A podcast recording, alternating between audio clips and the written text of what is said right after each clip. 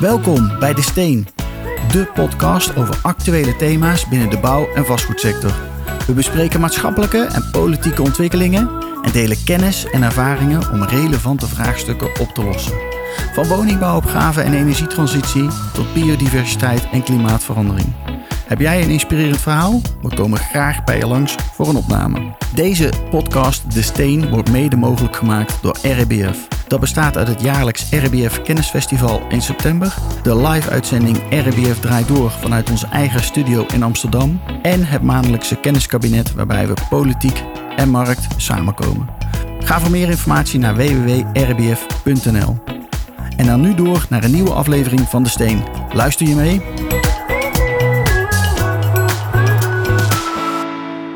dingen met klimaat.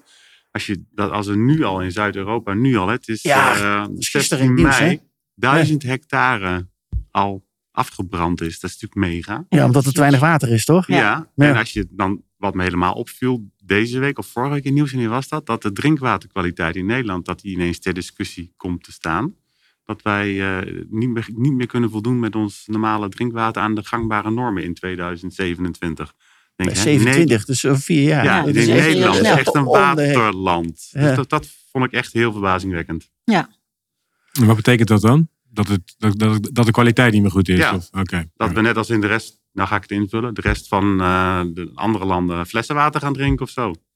Vul ik het in, hè? Dat weet ik Ja. niet. Maar is dat dan omdat de kwaliteit echt naar beneden is gegaan of omdat de maatstaven omhoog zijn gegaan? Ja, ik begreep, maar dit is natuurlijk maar net welk bericht je leest, dat het ook komt door die intensieve landbouw, het komt door klimaatverandering, het komt door al dat soort dingen. Ja. Illegale lozingen, Maar er wordt natuurlijk wel zoveel gespeculeerd. medicijngebruik. Eh, er wordt heel veel gespeculeerd, ook niet ten onrechte. Ik bedoel, we zijn ook hè, onderhevig aan dit soort veranderingen. Maar ik denk altijd van, we blijven altijd zo lang hangen in oh, hoe erg, hoe erg, hoe erg. Maar volgens mij, oké, ja, die dingen veranderen nou eenmaal.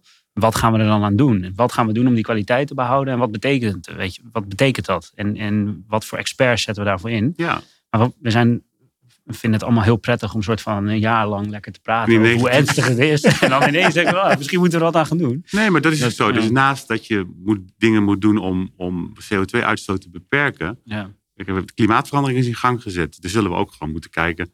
ehm, hoe kunnen we ons klimaatadaptief bouwen? Als je het naar het bouwen vertaalt, hoe kun je het klimaatadaptief doen? En ik zei, hoorde laatst iemand zeggen, we moeten eigenlijk gewoon nu bouwen alsof het 2050 is. Dat is ook best wel logisch eigenlijk.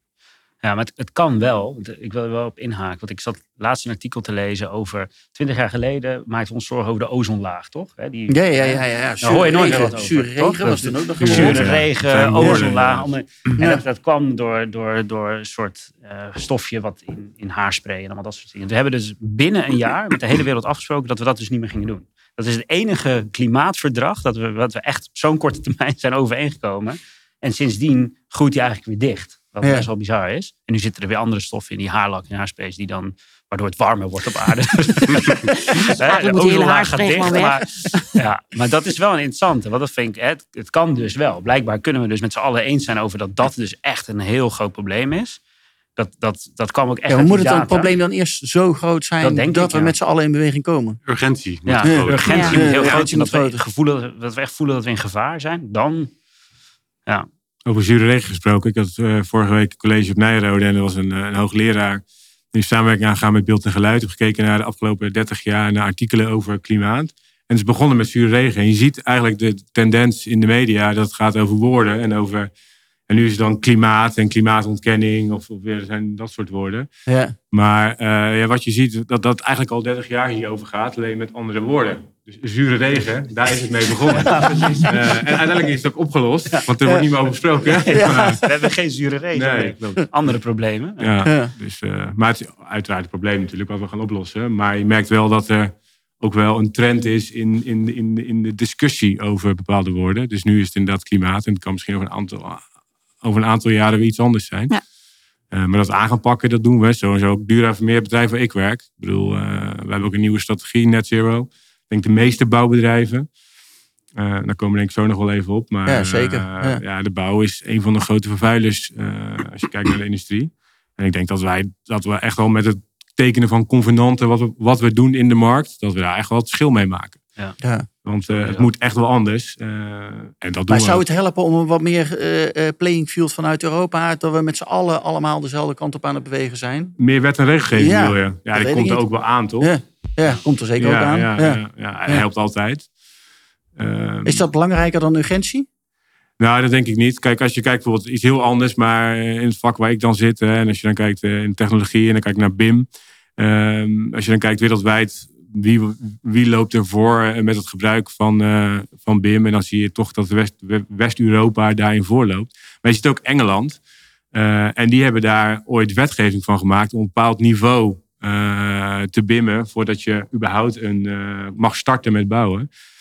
Dat, dat, ja, dat, dat brengt veel in beweging. Maar uiteindelijk, als je kijkt naar de implementatie of de kwaliteit van het model, ja, dan zijn wij hier verder dan daar. Eh, en sowieso geldt precies hetzelfde met wetgeving voor en dat klimaat. komt dan door omdat we zelf willen. Ja, precies. Of- Ja, ja, ja. hier is echt intrinsieke motivatie om Ja. beter samen te werken. Eh, en daar zie je dus dat een tool, BIM in dit geval, helpt om beter samen te werken op de bouwplaatsen.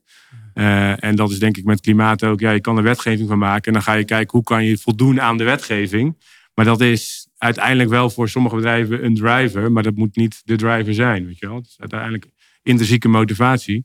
En ik denk als Dura Vermeer, het bedrijf waar ik dan werk, ja, wij zeggen eh, in 2030 eh, is onze CO2 gehalveerd. Eh, ja, dat is ook een intrinsieke motivatie, iets anders dan wetgeving is. Ja. En Ja. dat moet je als bedrijf in de markt gaan, gaan verkondigen en ook intern.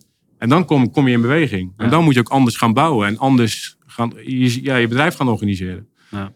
Dus, eh, dus ja, eh, om terug te komen op je punt. Wetgeving is zeker belangrijk. Maar ik denk echt wel dat het begint bij intrinsieke motivatie. En dus urgentie. Ja. Ja. Hoe zie jij dat, Mark? Ja, het- dat zie ik hetzelfde. Ik denk dat je dat wetgeving ehm, eh, ja, helpt altijd natuurlijk. Alleen handhaving en is dan ook weer een dingetje. En dan gaan, ieder, ieder- gaan allerlei partijen weer dingen bedenken om, om er net aan te gaan voldoen. Ja. Ik geloof ook echt wel dat je intrinsiek gemotiveerd moet zijn. ehm, om, eh, om het gewoon beter te doen. Om gewoon te werken aan een betere gebouwde omgeving. En ik zie dat de mensen die bij ons binnenkomen. Die intrinsieke motivatie ook echt hebben Precies, ja. die hebben zeker. dat gewoon echt. En het is ook echt een. Die kiezen ook bewust voor bedrijven die ook impact willen maken op dat punt. Dus mensen die bij KNR binnenkomen, die, ja, die willen het eigenlijk allemaal. Dat is een de- onderdeel van een keuzeproces. Ja. En urgentie, ja, urgentie. Dat is met klimaatverandering denk ik eh, wel in Nederland denk ik wel heel lastig. Ja, dat is lastig eh beter te pakken. Want we stappen met z'n allen nog steeds het- vliegtuig in. En we stappen met z'n allen nog steeds in de auto. Ja, maar Dus hoe urgent is het probleem? En water, ja, joh, volgens mij was vorig, vorig jaar zomer mocht je ook eventjes je zwembadje niet vullen. Maar ja, dat deden we toch met z'n allen. En het water bleef nog steeds uit de kraan komen. Dus hoe urgent is het probleem dan? ja, het is, ik denk dat we als voelen je, hem nog niet. Als Maar je in Zuid-Europa woont en je Ja. zit bij die bosbrand, dan denk ik dat je een gevoel van urgentie hebt. Maar, Ja. Nee, maar Ja. de enige manier is ook om dat ook zo te doen. We waren vorig jaar in Italië. Daar werd gewoon gezegd, jij mag douchen tussen 9 en 10. En de rest van de dag is het gewoon dicht. Is het dicht? Doet Klaar. kraan het niet? Het is gewoon simpel. En dat was ook gewoon echt zo. Ja. Dus eh, regel het maar. eh zet toe. Mhm. En dat gebeurt bij ons gewoon niet. Ja. Ja, ik denk dat we wel de urgentie hebben gevoeld eh, gedurende de winter. Dus de, de hoge Met prijzen de van... energie. eh, ja. dat was een eh, mooie trigger Ja, misschien. want- het even met z'n allen gevoeld Dat heb ik zelf ook gevoeld. Ik bedoel, Ja.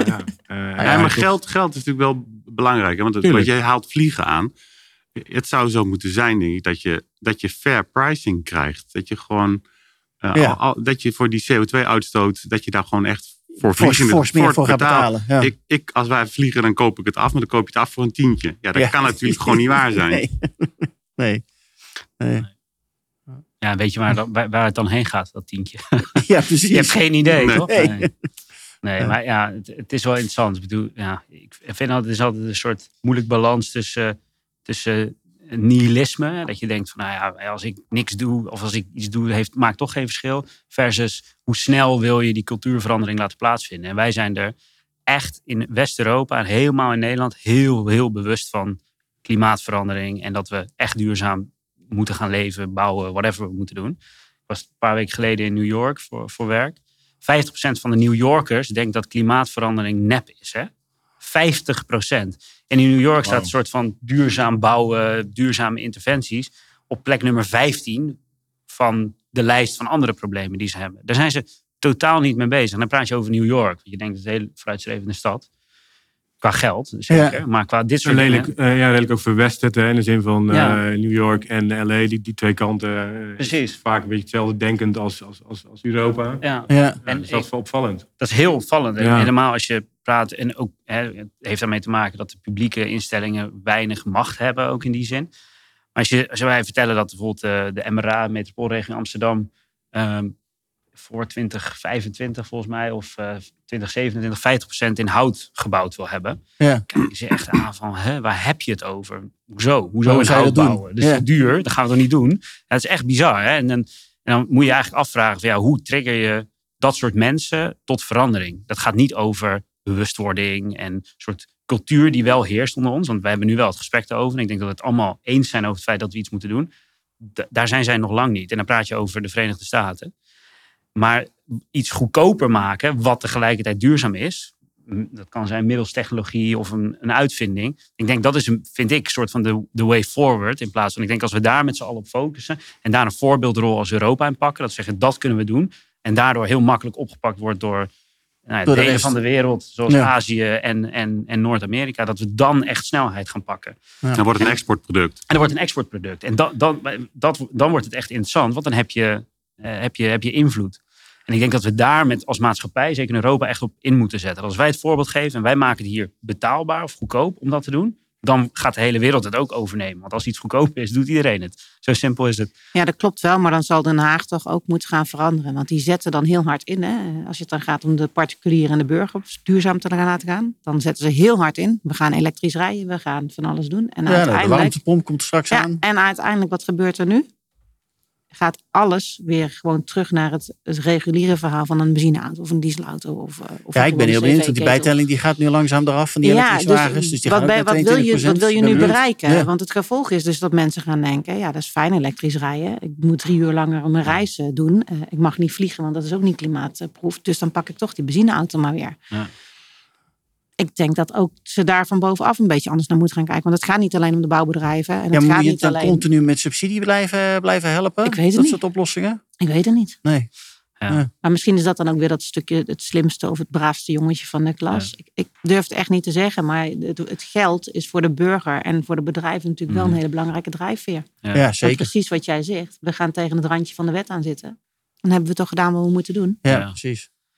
Ja, maar wat als er dus iets ontstaat waardoor het goedkoper wordt, dan, gaan we, dan springen we daar allemaal op. En dan heb je Ja. er eigenlijk geen wet en regelgeving meer voor Nee, nodig. voor nodig. Dus en ook. Geen subsidies meer. subsidies meer. Dan, Nee. van, Ja. gaan we dat in één keer doen. En dan zijn natuurlijk de, de, de, de nieuwe bedrijven, of de innovatieve bedrijven, die moet je eigenlijk misschien iets meer een push geven. Of iets meer mogelijkheden geven van, joh, als overheid steunen wij, eh, steunen wij dit. In plaats Ja. van dat, we, dat ze nu, dat, volgens mij TechLeap, die nu veel Ja. minder subsidie krijgt. De, de helft minder subsidie. Ik denk dat is nou één van die drijfveren van Nederlandse technologie. Dat echt ons op de kaart zit in de wereld. En dat gaan we nu halveren. En da- Ja, daar moeten we juist geld naartoe, na- naartoe brengen.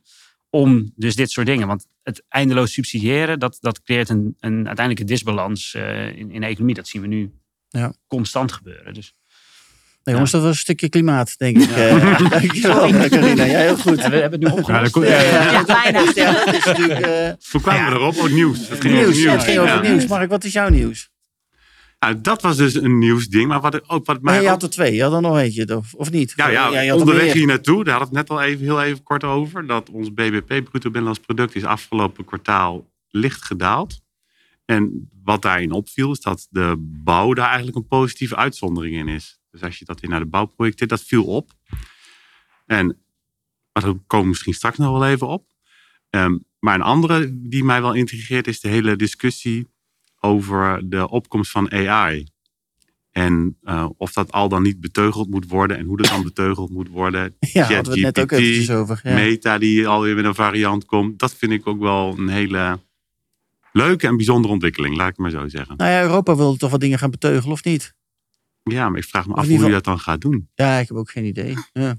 Dus Ja. dat, dat, viel me, dat zijn dingen in het nieuws die me opvielen. En ik vind zelf die hele opkomst van die AI al heel erg leuk. Ik weet niet of je er al een keer mee geëxperimenteerd hebt, maar dat is echt. eh, ja, ik vind het geweldig. ja. Eh, Ik moest eh, de- van het weekend nog een spreekbeurt maken over zeilen. Nou, dat is geweldig. Dat is, eh, Schrijf tien vragen op. Het ligt eh, voor je. ja, precies. Dat is echt top. Dat, eh, maak voor een twaalfjarige een spreekbeurt over zeilen. Nou, huppakee, dan krijg je zo een aantal punten. Nou, dan ga je daarna die punten ga je weer invullen. Het is top. Dus het is echt hartstikke leuk. Het is ook leuk om daar kennis van aan te halen. Dus ik weet ook niet of, of dat nou een hele slechte ontwikkeling is. Ja, weet ik niet. Maar ligt een beetje aan op welk gebied het gaat. Hè? Kijk, op het moment dat je echt uh, tegen de privacygrenzen aan gaat zitten en op daar data gaat vergaren om dingen mee te gaan doen, wordt het wel een ander verhaal natuurlijk. Nee, ik denk dat dat goed is inderdaad. Ja. Als we mensen gaan volgen op straat en daar dingen mee gaan doen, dan en wordt het, het, natuurlijk wel... en het eh, gebeurt al, hè, laten we dat vooropstellen. Maar het is natuurlijk wel, eh, daar is het denk ik de grootste uitdaging. ja. Dat data gebruikt wordt en omgezet wordt en, en mensen gaat helpen. Ik denk dat daar op zich niks mis mee is. Eh, op het moment dat de hele tests gewoon geschreven worden door de computer, dan hebben we natuurlijk een andere uitdaging. Hè? Want haal je dan nog de mensen binnen met de kwaliteit die je graag zou willen hebben? Of Ja. halen we dan de mensen binnen die heel slim weten hoe ze moeten omgaan met dit soort dingen? ja. Dat is een beetje de vraag. Dave, hoe denk jij hierover? Want jij, is jouw achtergrond. Ja. een Ja, kijk, gedeelte eh, data. ja, twee kanten. Kijk, eh, aan de ene kant is het eh, een enorme goede ont- ontwikkeling. eh, stimuleer ik heel erg. Als je kijkt naar heel veel producten die we met de hand maken. Denk aan het BIM-model, maar denk ook aan software. Ja, dat is langzamerhand een commodity aan het worden, zou je kunnen zeggen, door dit soort technologieën. Eh, en daar zijn enorm Ja, het veel... wordt zo makkelijk om te gebruiken. makkelijk. Maar dat is ook Ja. goed, want er is schaarste. Eh, Zo'n ontwikkelaars zijn hartstikke lastig te krijgen en ook op te leiden. Dus wat dat betreft is denk ik voor die tak eh, kan je veel standaardwerk automatiseren. Top. Ja, voor het niveau wat jij zegt is, het heel fijn. Hè? En daar wordt ook heel veel mee geëxperimenteerd. Ehm, en vanuit een bedrijf ja, ligt er heel veel kansen, maar ook wel een, aantal risico's. Want nu zijn we allemaal als bedrijf leuke dingen aan het doen op ons privéaccount. Eh, en ja, we, wat, wat gebeurt er binnen een bedrijf? Je, ja, je stopt er gewoon allemaal strategiestukken in of eh, mailtjes in van reageer, ja, re- ja, reageer hierop. Ja. Ja, maar we zijn niet bij bewust wat voor informatie we allemaal delen met, eh, eh, ja, die, Met die- de wereld. Met de wereld eigenlijk. ja. Eh, terwijl we al, alles dichtzetten. eh Proberen dicht te zetten. proberen dicht te zetten. Maar hier geven we eigenlijk alle informatie. En kijk, en we zitten nu nog echt in een, in een experimentele fase. En dus dat is ook helemaal niet erg. Eh, maar ik denk dat er wel beleid moet komen. Hoe ga je hiermee om? Sowieso als, be- als bedrijf, als, als, als overheid. Eh, want het kan ook wel van je aflopen. Omdat je niet weet, wij hier aan tafel niet, hoe die technologie aan de onderkant eruit ziet. En wat, wat, ja, wat met die informatie gebeurt. En als je dat niet weet, is het denk ik altijd nog wel een risico. Ja. Eh, maar het biedt heel veel kansen. Vooral in de softwarewereld en ja, in, het, in het au- automatiseren van standaard producten. Ja. ja, Andrea, hoe zie jij dat? Maken jullie al heel veel gebruik van dit soort nieuwe technologieën? Ja, wij maken al bijna twee jaar gebruik van ChatGPT. Oh, echt? Cool. Ja, ja, Ja. maar het, het is maar voorheen ehm, was het natuurlijk niet zo gecategoriseerd beschikbaar. Dus het is menselijk gemaakt, waardoor, je, waardoor nu wij, het grotere publiek, daar gebruik van kan maken. Ja. Wij hebben het wel gewoon als, als, als die API die ze hadden, hebben wij wel gekoppeld gewoon voor, eigenlijk voor code testen.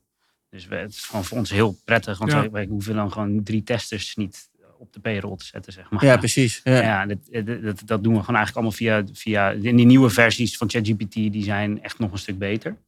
Ehm, maar wij gebruiken dit echt constant. Wij gebruiken het niet voor, voor dingen zoals vragen stellen en allemaal dat soort, dat soort zaken. Super Maar leuk. om code meer, te, meer echt om te- code te- te, verifiëren Ja. en soms eh, eh, nou ja, erachter te komen of we bepaalde functies goed, goed hebben gedefinieerd. Ja. Allemaal dat soort zaken. Dat, ehm, dat gebruik, daar gebruik ik het echt superveel voor. Ja. Ja, dat doen wij ook. Wat is jouw nieuws, Andrea?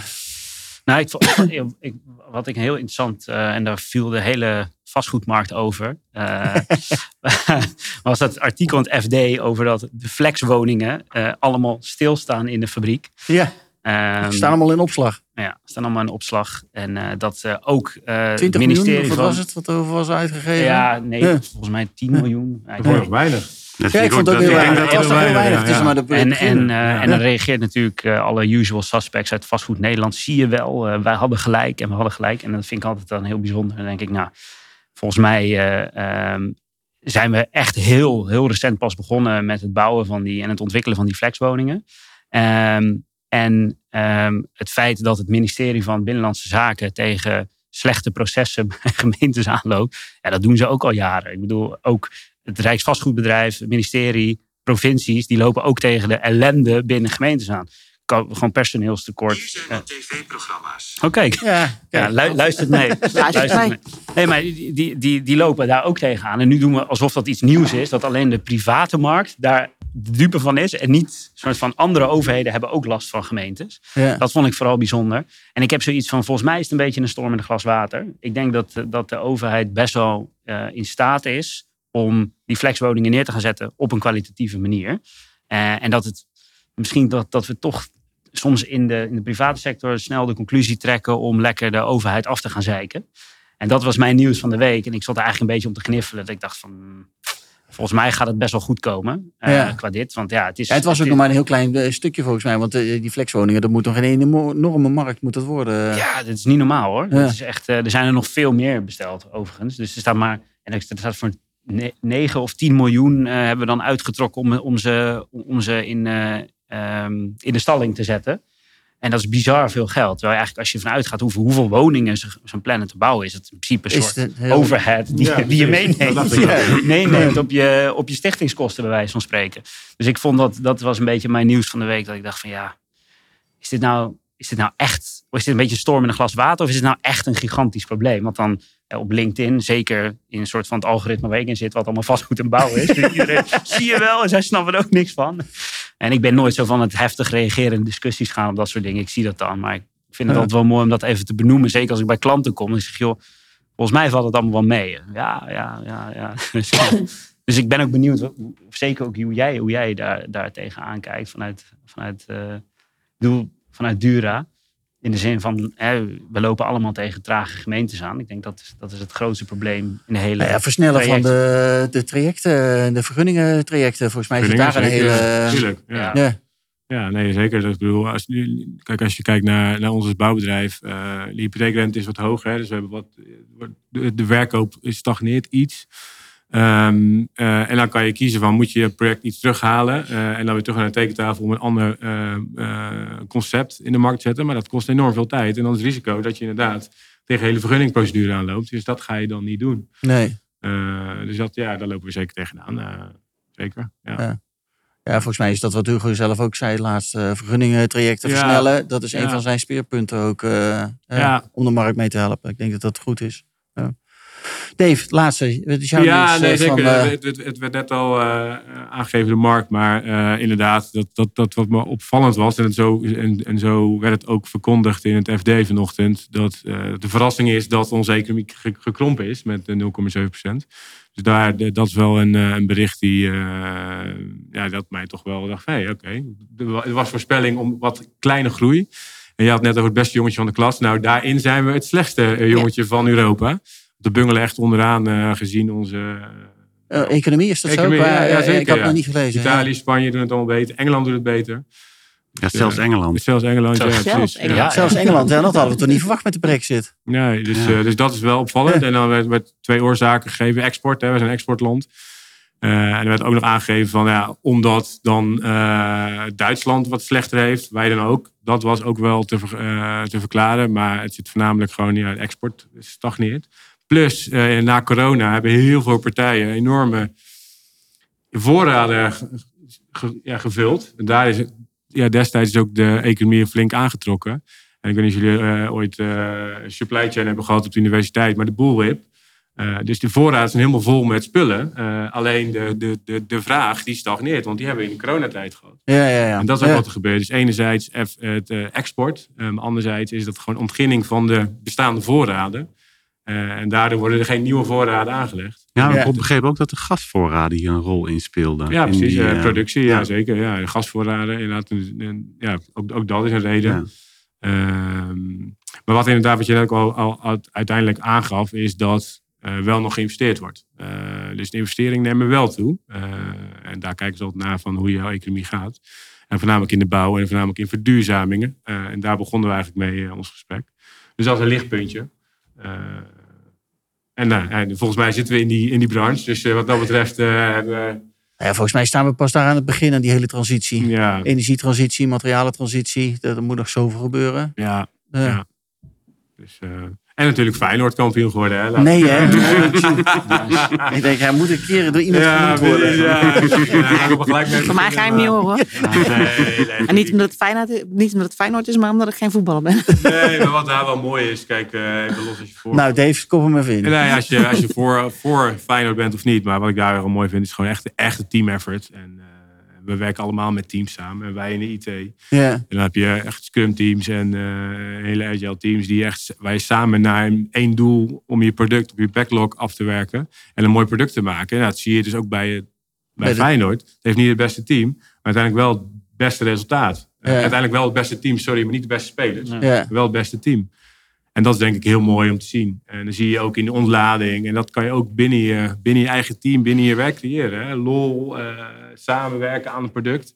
Ja, en dat is denk ik een heel mooi voorbeeld. ja, dan kun je heel ver Eh, komen. Ja, met een duidelijke focus. Nou, die trainer geeft een duidelijke focus.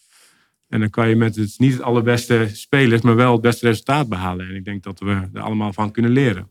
Zeker. Maar ik denk Ja. dat dat precies is wat het is. Hè? Samen moet je het gaan doen. Ja, Op het precies. moment dat je allemaal individuen hebt, wordt het heel erg moeilijk om je bedrijf eh, goed eh, up en running te houden. Dat is zeker waar. Want dan red je het gewoon niet. Nee. Ja. Jongens, we gaan even een, eh en eh, een, eh, een rondje doen eh, over jullie persoonlijk. En dan gaan we daarna nog wel eventjes eh, eh, over wat ontwikkelen binnen jullie bedrijf waar jullie mee bezig zijn, eh, het gesprek aan. Wat zou je nog in je leven willen doen wat je nog niet gedaan hebt? Wie wil daar eens eh, een aftrap geven? Ja, ik wel hoor. Ik, eh, ik heb eh 14 maanden rondgereisd alleen over de wereld. eh, na mijn, tussen mijn studies in.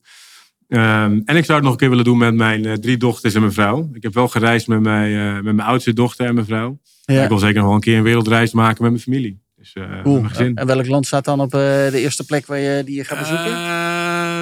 Ja, waar ik nog niet ben geweest is in Afrika. Dus ik zou dan eh, da- daarvoor kiezen. Ehm, maar ja, ik ben wel verslaafd dan, eh, aan, aan, aan Azië. Dus sowieso terug naar Azië en mijn kinderen Azië laten zien. En ook wel een delen van mijn reis mijn kinderen laten zien, zeker wel. ja. Dus, Cool. eh, Ja. dus dat is wel iets wat ik nog wel een keer wil doen, ja. Wat is het meest indrukwekkende wat je gezien hebt? Ja, dat is altijd de vraag die lastig te beantwoorden is. Omdat je, je zit met een bepaald gevoel, zit je ergens op een plek. En het kan te maken hebben dat je iemand echt bijzonder tegenkomt. Of dat je eh, ja, goed weer hebt gehad. Dat zou heel, heel klein kan het zijn. Hè? Of Ja, je ja. een goede accommodatie hebt gehad. Dus het heeft te maken met heel veel dingen. Maar ik heb een maand lang op Fiji gezeten. eh, op één eiland. Eh, en dat was een soort dagtoerist-eiland. Waar heel veel dagtoeristen kwamen. En ik zat daar in mijn, eentje met de locals. En verzorgde ik dan een beetje de tolk. verzorgde ik dan die, die activiteiten. Wat helemaal niet gepland of wat dan ook. Ik kreeg ook niks voor betaald. Maar ja, dat was onwijs leuk om onderdeel te zijn van zo'n kleine community. Ergens op een eiland in, op, ja, in Fiji. Ja, dat was te gek. Ja, Ja. dat was echt een, echt een eh, geniale ervaring. Leuk. Ja, ja. Wie nog meer? Wat, had je, eh, wat zou je nog graag willen doen? Ik vind het echt een hele moeilijke vraag. Je hebt alles al gedaan, Corine. Nee, ja, weet je, ik ben niet zo'n reiziger die zegt ik wil de hele, de hele wereld rond. Ik wil gewoon lekker mijn ding kunnen doen. Dat is eigenlijk het allerbelangrijkste. Ja. En dat wil ik ook graag zo houden. Maar ik moet wel zeggen, wat, ik, wat jij zegt, het is wel, je maakt wel dingen mee eh, die heel indrukwekkend zijn. Ik was onlangs in New York ook dan in oktober. We waren bij 9-11. Ja, dat was voor mij wel iets waarvan ik echt dacht, what happened? En, Ja. eh, je staat meteen weer terug eh, in, eh, In de tijd. Ja, in de bizar. tijd. Je weet precies weer waar je was. En mijn dochter is eh 22. Die was mee. En hoe zij daarnaar keek en hoe zij het ervaarde. Maar ook echt op zoek ging en ging lezen om te kijken wat is er nou allemaal gebeurd. Dat maakte me wel het bewustzijn dat het wel heel erg belangrijk is dat deze generatie dat ook mee beleeft en, en begrijpt wat daar gebeurt. Eh, op haar leeftijd stond ik op Checkpoint Charlie in Berlijn. Toen was de muur nog... nou, toen Ja, nog precies. Toen stond hij nog. Ja. Die werd in november gesloopt en wij waren er in februari. En toen moesten we met een bus de grens over. Dat soort dingen. Als je dat in je jonge jaren meekrijgt, dan snap je gewoon wat er allemaal gebeurd is. En wat het dus ook nog kan gebeuren. ja, dat het allemaal niet zo eh, Ja. makkelijk is. Het Ja. leven. Dus ik denk dat wat ik nog wel een keer zou willen doen, is ook mijn jongens dat gevoel meegeven. Eh, Bij Maartje heb ik het nu gehad. Mijn jongens zijn wat ouder. Ehm, ja, maar ik denk dat ook zij dat een keer mogen meemaken. Ja, dat En- leven allemaal niet zo vanzelfsprekend is. Ja, maar ook dat ik kan, kan zien wat het met hun doet. Ja. Dat je ook ziet dat er wat gebeurt met, met hun. Ja, het leven is wel heel makkelijk. Althans, als ik dat die van die van mij van 9 en 12 zie, dan denk ik, jongens. Verwend. Ja, ongekend. Ja, ongekend, ik, jongens, er is meer in de wereld. eh. Ja, mijn, dochter is, net- mijn dochter studeert vastgoedmakelaardij. Dus zij heeft wel iets meegekregen van de moeder, laten we het daarop houden. Ja. Die, gaan, eh, die zijn eh, eh, naar Kuala Lumpur geweest als eh, school, eh, Zo. voor school. Ja. Schoolreisje. Ja, dat is schoolreis een Kuala mooie- Lumpur. Die zaten in eh, twee weken Maleisië. De eerste week daadwerkelijk met school. Bij Seabury en alles geweest. Dus ze hebben wel heel veel geleerd. Maar ja, ik, ik vind het af en toe wel in het extreme gaan. hè. Aan de andere kant denk ik, Ja. als het kan. En je kunt het daar allemaal zien en meemaken. En Ja. je wil het graag doen. Mooi. Mark. Ja, er zijn nog zoveel dingen die ik nog wil doen eh, in mijn leven. Maar eentje, dat, die springt er denk ik wel bovenuit. En dat ik, zou, eh, ik ben wielrenner. En ehm, er is een hele gave fietstocht van de oostkust, nee, van de westkust van Amerika naar de oostkust. Zo. Een volledig onverzorgde fietstocht. Hoeveel kilometer is ja, dat? ja, heel veel. Ja. Zo, Ik heb, die, eh, ik heb die over land gereisd. Dus eh, ik ik heb ben. gewandeld. Nee, niet Oh. gewandeld. Nee, nee, nee. Ik, heb, ik heb inderdaad van Oost naar. Ik heb van, van, LA, van LA naar New York gereisd. eh, Over land. En dan door de Rocky Mountains en eh Salt Lake City. Maar met de trein of Met zo. de die- trein onder andere. Ja, Amtrak. Ja, de Amtrak en de Greyhound. Dus, eh, op een gegeven moment is het geld op. Hè? Dus Ja, je wat af. Ja, ja, cool. Die, tocht heet volgens mij de Trans Am. Ik heb er Ja, een heel verhaal over gelezen. Echt een Ja. hele gave tocht. En ja, het is echt ja, heel mooi. Cool. Hoeveel dagen doe je daarover? Ja, heel lang. Ja. Ja, dan moet je wat minder werken. Ja. Maar ik heb wel een keer, maar die, die die komt niet in de buurt. Maar ik heb, wat ik één keer heb gedaan met mijn dochter is vanuit Italië, vanaf de Stelvio, naar huis gefietst in een week. Zo. En dat was ook al serieus. Ja, dat is wel serieus, ja. Ja. Maar dat was wel Want hoeveel georganiseerd. kilometer fiets je dan op een dag? De langste dag was 200, nog iets. Zo. Ja, Ah. 200. Ik moet er niet aan En denken. dat- Maar, zeven dagen billen, denk ik. Ja, nou inderdaad. Ja, heb je dan bijna je billen? Dat valt wel mee eigenlijk. Oh, valt wel Oké, mee. Oké, nou mooi. Je moet het niet ongetraind doen. Nee, precies. Dat zou ik niet aanbevelen. Hey. Nou, Andrea, wat zou jij nog willen doen? Ja, ik ben echt eh, best wel een waslijst en ding hoor. Dus eh, ik ben, ben natuurlijk, eh, ik ben nu ondernemer. Eh, dat ga ik sowieso altijd blijven doen. En nog in verschillende facetten. Ik zou heel graag iets willen starten in, eh, in de fashion. Dus parametrische fashion, dat lijkt me super cool. Ja. Maar ik denk dat wat wel echt op nummer één staat voor mij is, ik wil graag eh, meerdere boeken schrijven in mijn leven. Cool. Waarover? Ja, ehm, ik, ik, ik hou heel erg van filosofie. Dus ik lees heel veel van heel veel verschillende filosofen. Heel veel boeken gelezen. Maar het lijkt me heel cool om vandaag de dag, en dat doen weinig mensen, is eigenlijk filosofie als een soort kern neerzetten ten opzichte van klimaatverandering, hoe we sociaal met elkaar omgaan, eh, hoe technologie invloed op ons heeft. Er zijn, er zijn een, soort van die Yuval Harari, die doet dat bijvoorbeeld goed. Die kijkt dan heel erg naar, oké, wat is dan de toekomst? Er zijn eigenlijk weinig filosofen, hedendaagse filosofen of schrijvers die dan dat, al die verschillende onderwerpen pakken en kijken van ja, maar wat is dan de filosofische kern daarvan? Dat lijkt me echt super cool. dus Dat wat, zou impact even- dat, wat impact dat op ons heeft. Ja, dus eigenlijk eh, een soort van eh, begin 20e eeuw, eind 19e eeuw. eh, in, in de 19e eeuw, Kierkegaard, die schreef gewoon echt, die schreef eigenlijk principes op van hoe we op een goede manier met elkaar omgaan. Of dat dan goddelijk was of niet, dat maakt niet zo heel veel uit. Maar daar leerde men als maatschappij heel veel van eigenlijk. En dat zijn we, vind ik, vandaag de dag een beetje verloren. Terwijl het des te belangrijker is, omdat het leven zo complex is geworden. Technologie maakt leven complex. Eh, de uitdaging waar we staan maakt het leven complex. De hoeveelheid mensen waarmee we zijn maakt het leven complex. De hele, de hele stratego wat de wereld aan het spelen is, maakt het leven complex. Ja. En dat hadden we niet 200 jaar geleden. Niet in zulke mate. Dus het is des te belangrijker om dingen filosofisch te benaderen. Dat, zou- daar zou ik heel graag iets over willen schrijven. Nou, wanneer komt het boek uit? Ja, dat klinkt Weet ik interessant. niet. Nou, we- we- weet ik niet. Ik, ik ben nu veel te druk met, eh, met een bedrijf leiden. Eh, eh, maar ik denk op, een- op het moment dat, dat, dat ik in dit bedrijf meer naar de achtergrond ga, dat ik dat dan een van de eerste dingen zal zijn waar ik mee aan de slag ga. Ja. Cool. Ja. Interessant. Ja. En jij dan? Ik? Ja. Ja, ik kreeg deze vraag net ook teruggespeeld. wat ik graag nog zou willen doen. Eh, nou ja, ik, ik, vind dat, ik vind het ook leuk om de, de wereld te zien. Eh, eh, dus wij zijn net in Egypte geweest eh, eh, met mijn vakantie. En ik wil altijd nog die piramides een keer zien. Want ja, we zijn natuurlijk toch van het stenen stapelen. Nou, als iets eh, stenen stapelen voor gevorderd is, dan is dat wel. Dan moet je ook een keer naar Mexico. Ongekend. Ja, nou daar ga ik toevallig ook heen. Over twee Oh. weken moet ik spreken op een eh, evenement in Mexico. Dus daar gaan we, ga ik ook wel even wat bekijken inderdaad. Hebben ze ook wel, hebben ze ook wel je stenen baan. Hebben ze ook gestapeld. wat, behoorlijk wat stenen gestapeld inderdaad. Wat zei je? Wat dat betreft heb je een mooie baan gevonden. Ja, Want je ziet natuurlijk sowieso heel veel van Ja, de wereld met mensen die gelijk gestemd zijn. Die Ja, dat is dezelfde leuk. interesses hebben. Dat is echt wel vet. Nou, Ja. Het leuke is, hij heeft hem niet gevonden, hij heeft hem gecreëerd. Ja, ja nou ja, dat, Ja, dat is superleuk. Dus dat is superleuk inderdaad. En alleen maar met mensen die ook iets willen inderdaad. Ja. Altijd positief erin zitten. Dus dat is hartstikke leuk. Nee, maar dat was wel heel indrukwekkend om te zien hoe ze die megastenen überhaupt verplaatst hebben en überhaupt op elkaar gekregen hebben. Dat is Vooral ongekend. die laatste. Ja, die laatste lag een beetje scheef. Dus ik zei al tegen mij zo van leg die even recht. Maar dat Ja. trapte die niet in. eh. Maar dat is niet echt een antwoord op de vraag, hè? Wat heb je gezien? Ja, wat heb ik gezien? Wat zou ik nog willen doen? Ah, Ja, nou, dat, eh, er staan zeker dingen af en toe worden er dingen op mijn lijstje gezet wat ik nog wel zou moeten doen. Mijn vrouw die zegt van, ah, ja, het is leuk om te duiken en het is leuk om eh, te bungee jumpen. Nou, bungee jumpen die staat al ergens op een lijstje, maar bij mij... Voor en achteruit gedaan. Ja, no way. Ja, v- vooruit is veel, veel enger dan achteruit. Want achteruit krijg je gewoon een zetje, zie je Nee, niet. achteruit zie je. Kijk, je, helemaal. je, ziet, eh, je ziet de grond niet. Oh. De tip als je het dan, als je het dan je moet doen, doe het achteruit. Ik denk dat ik die oversla gewoon. Ja, die sla ik ook over. Dan, ga ik al fietsen. Het me sla ik ook over. Dus, Nou, parachute springen is ook leuk.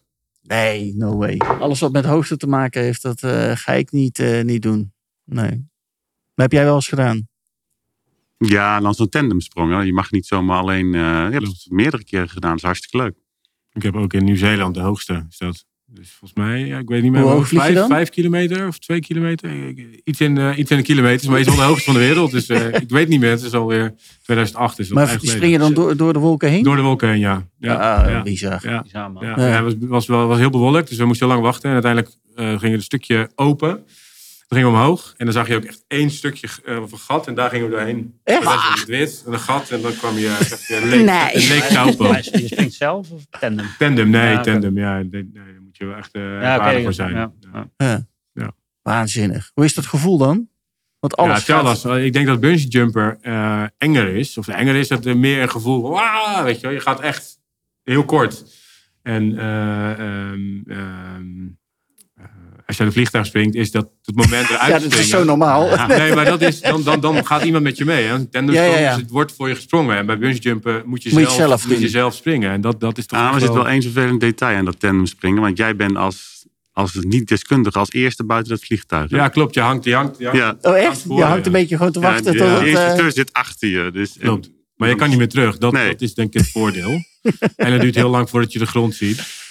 Ja, dus je hebt even Ja. tijd om te acclimatiseren. Ja. Maar, het, eh, Maar dat wel het een heel beetje gaaf. went. Nou, ja, Ja. Niet voor mij, denk ik. Ik Voor weet mij niet ook of ik dat ooit ga doen. Nee. Onder water vind ik al eh, heel wat. Dus dat hebben we ook alweer afgetikt. hey, jongens, eh, we gaan het over jullie bedrijven hebben. Ehm, Andrea, hoe gaat het met eh OMRT? Ja, dat gaat supergoed. Ehm we zijn eh, nou ja, vijf jaar geleden begonnen. 1 mei 2018 gelanceerd. En we zijn nu, ja, volgens mij eh, net geen 50 mensen of zo. Dus we zijn echt super hard gegroeid. Met name in het afgelopen jaar. Dus echt verdubbeld. En eh, Wat voor vraagstukken zie je het afgelopen jaar op jullie afkomen?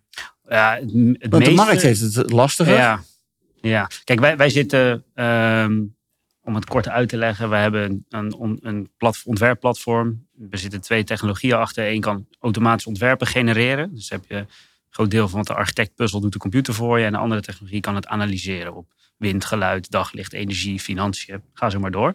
Ehm, en dat is, een hele vroege fase tool. Dus je gebruikt het zo vroeg mogelijk. En je probeert eigenlijk heel veel facetten te tackelen. Die normaal gesproken uitsmeert over een heel proces. En eh, wat we gewoon zien, zeker in het afgelopen half jaar. Wij noemen het projecten door de wasstraat gooien. Dus heel veel projecten die, waarvan een heel groot deel eh, vrije sector was. eh, ingeprogrammeerd, uitkomt. Wat niet meer uitkomt. Omkatten naar, naar eh, midden, middendure huur met alle regelingen van dien, verschillend per locatie. Daar worden wij echt, echt suf over gebeld. Suf Kan- over gebeld ja, maar zelfs. echt niet normaal. Ja. hè. Het is gewoon echt, het is echt bizar. Ja. En dan, en dan door de eh, door mijn gemeentes. Is dat je doelgroep? Nee, ontwikkelaars en Ontwikkelaars, gemeentes. dus Ja, ook, ja, ja, ja. het is soms ook, zo, soms ook samen. Dat ze denken van ja, hoe, hè, dan hebben ze eigenlijk de handen ineen geslagen. En we willen samen willen wel dat er iets gebouwd wordt. En wat wij dan doen is we proberen dan binnen een paar weken met dan die partijen eh, per week een iteratie. We genereren echt duizenden verschillende ontwerpen. En er zit er altijd wel eentje tussen die eh, misschien net niet uitkomt. Maar wat een incentive kan zijn voor een gemeente om te zeggen van oké, als dat dan degene is dicht bij de business worden. case is. Ja. Dan kunnen we daar bijvoorbeeld een extra potje voor opentrekken of bijfinancieren. Dus we, we proberen heel erg, daar zitten we eigenlijk tussen, bijna tussen eh, ontwikkelaar en gemeente in om, eh, Om eigenlijk het rekensommetje weer goed te krijgen. om het rekensommetje goed te krijgen. En een soort, ja, weet je, er zitten alleen maar absolute waarheden die je genereert. Want je ziet ook meteen de daglichttoets en allemaal dat soort zaken. Dus niet de een die zegt, ja, maar we moeten dit veranderen. Dan zegt, nee, we moeten dat veranderen. Nee, we hebben het hier voor ons. En er zit ergens, eh, in dat poldermodel van ons, zit er een oplossing tussen waar we, waar we dan samen ook wat mee kunnen doen. Dus dat, Maar is de oplossing minder vierkante meters en meer eenheden? He- heel afhankelijk. Dus vaak, is, eh, hè, dus soms is het zo dat, ik bedoel, eh GO-BVO verhoudingen, dus ge- gebruiksoppervlak versus bruto vloeroppervlak, super belangrijk voor, voor heel veel ontwikkelaars. Soms is het zo dat een hele goede verhouding niet per se de meest haalbare oplossing is. Helemaal niet op het moment dat je veel middenduur en veel sociaal gaat maken. Waar je dus natuurlijk heel veel verschillende kleinere woningen hebt. Maar omdat er dan extra regeling- regelingen uit de kast worden getrokken, dat een minder efficiënt ontwerp dan wel haalbaar gaat zijn.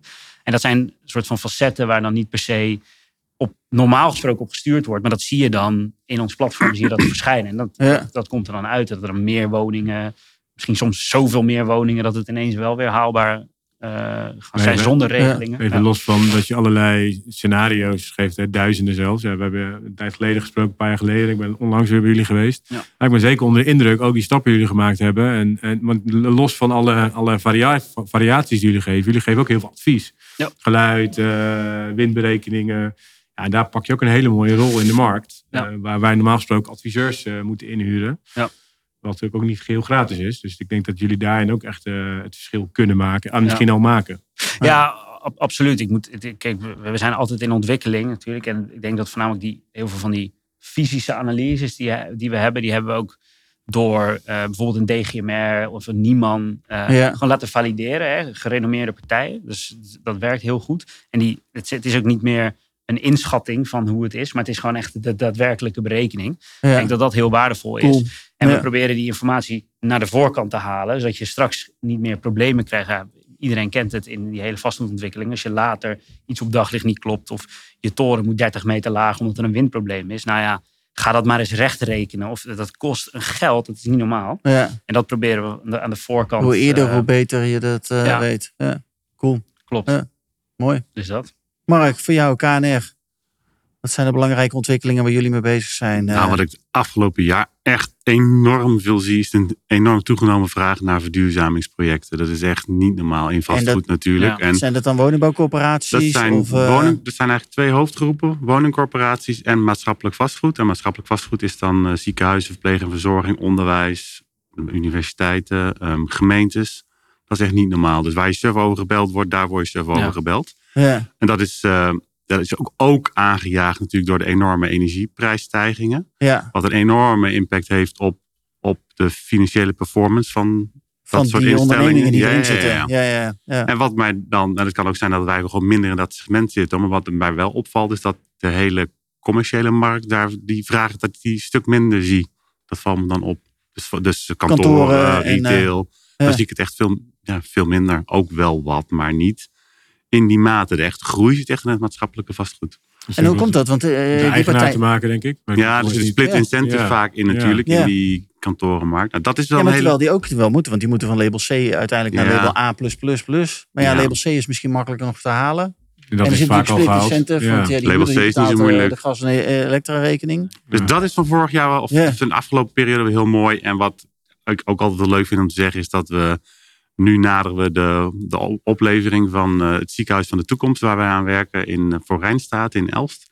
En daar is eh Het waterstof. ziekenhuis van de het toekomst. ziekenhuis van de toekomst. Ja. En daar is waterstof, dus een integraal onderdeel van de energievoorziening. En dat is dan waterstof die we ook, die we echt lokaal ook opwekken. Dus gewoon groene waterstof. Vet. Vet. Ja, dat is wel heel, echt heel vet. Waarom is daar gekozen voor waterstof? Eh, omdat Is we dat, eh, wilden naar een, ehm, eigenlijk naar een self-supporting ziekenhuis. Die gewoon voor, voor zijn volledige energievoorziening zelf zou kunnen zorgen. Nou, dat kan die nu nog We niet. hebben dan zo'n nul op de meter concept. Ja, maar, dan, ja, maar niet alleen op, maar ook echt self-supporting zou kunnen zijn. Dus volledig energie-neutraal. Maar dat, dat haalt hij nu nog niet, maar hij is wel op voorbereid. En je ziet nu dat, dat, hij, dat, dat er ook plannen zijn om het hele ziekenhuis een soort smart energy hub te maken in die omgeving. Door, door er veel meer aan te koppelen. Dat is een hele leuke ontwikkeling. Ja. Cool. Ja. En Dus dat is, dat- dan, is dat de eerste die met waterstof... eh, Ja, ik roep altijd gaat de doen, eerste want- van Europa, maar ik weet niet of dat helemaal waar is. Maar het heeft nog niemand bestreden. Misschien is het de eerste van de wereld. ja. Kan. Ja, dat, Als het de eerste van Europa is, dan Ja. zou Ja. het ook wel eens... eh, ja. Dat, is heel, dat is echt wel heel erg eh, Interessant. leuk. Ja, Ja, dus cool. afgelopen weken zijn de electrolyzers geleverd, eh, zag ik. En eh, ja, van de zomer moet hij gaan produceren. Ja, dat is wel gaaf. Ja. heel Het is bij ons om de hoek. Zal eens gaan kijken. Oh, je woont daar? Nee, wij zitten in Arnhem hè, met ons bedrijf. Oh ja, ik woon in Arnhem. Ah, kijk. Nou ja, als het goed is, gaan we nog een, eh, een inspiratiereis organiseren. In het najaar met Spacewell. En dan gaan we ook hier langs. En dan langs Eindhoven. Dat is de volgende inspiratiereis Leuk. Waar we mee bezig zijn. Dus dan komen we bij jullie langs. Dan moeten we nog even...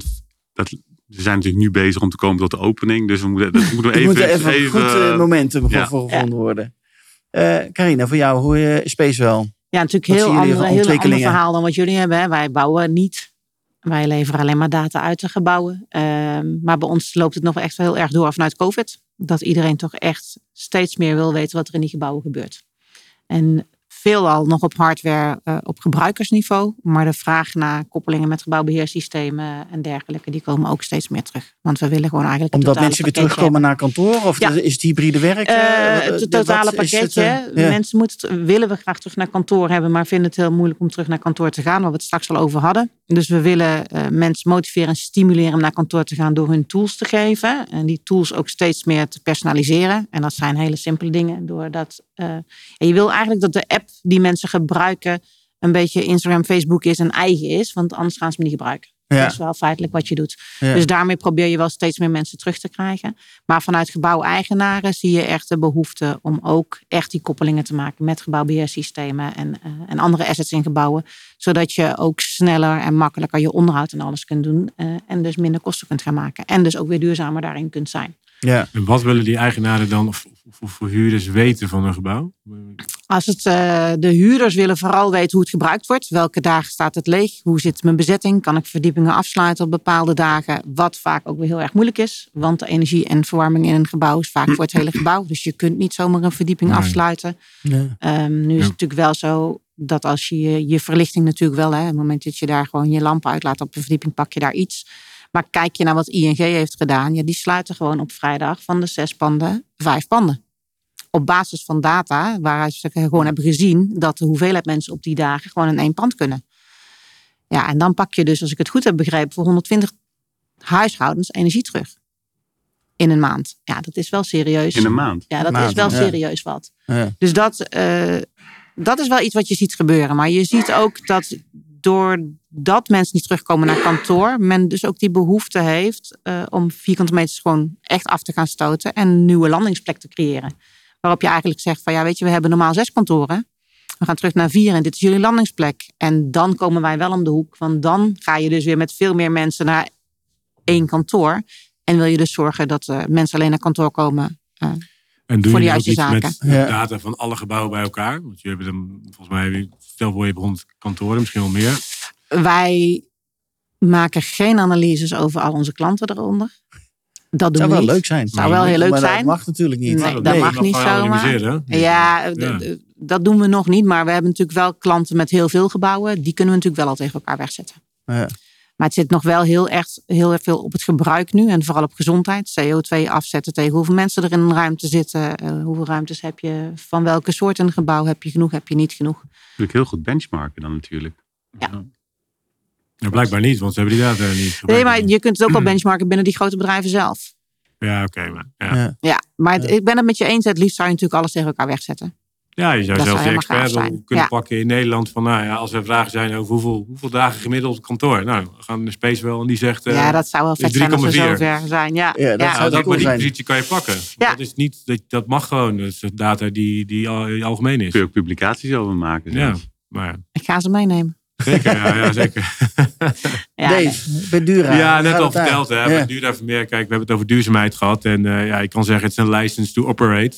Dat heb je gewoon nodig om, eh, om, om, om überhaupt eh, te kunnen organiseren. Maar zo kijken wij er niet naar. Dus wij hebben, eh, ja, ik heb net al gezegd, net zero. En wij zeggen dus in 2030 willen wij de helft van ons CO2-uitstoot. En dat is veel, want een bouw is, is een vervuilende sector. Gereduceerd hebben. Wat zijn dan de meest belangrijke elementen waar je naar kijkt om dat te reduceren? Is kijkt. dat de manieren van eh, produceren of de Ja, bouwplaats nee, of de materiaal, eh, materialen ja, daar of eh, ook, biobased eh, of eh, transport. ja. Het, zit, eh, het, zit, eh, het zit in allemaal. ja. Eh, maar het, het vervelende bij, bij, bij, bij onze, onze eh, branche is dat je ook de hele. ja, de hele keten mee moet nemen. Ja, eh, ja en, en ook het hele gebruik. En daardoor heb je natuurlijk een hoge uitstoot. Eh, maar dat neemt niet weg dat je wel het verantwoordelijkheid moet pakken. Dus als je met andere materialen gaat bouwen of eh, ook eh, circulair.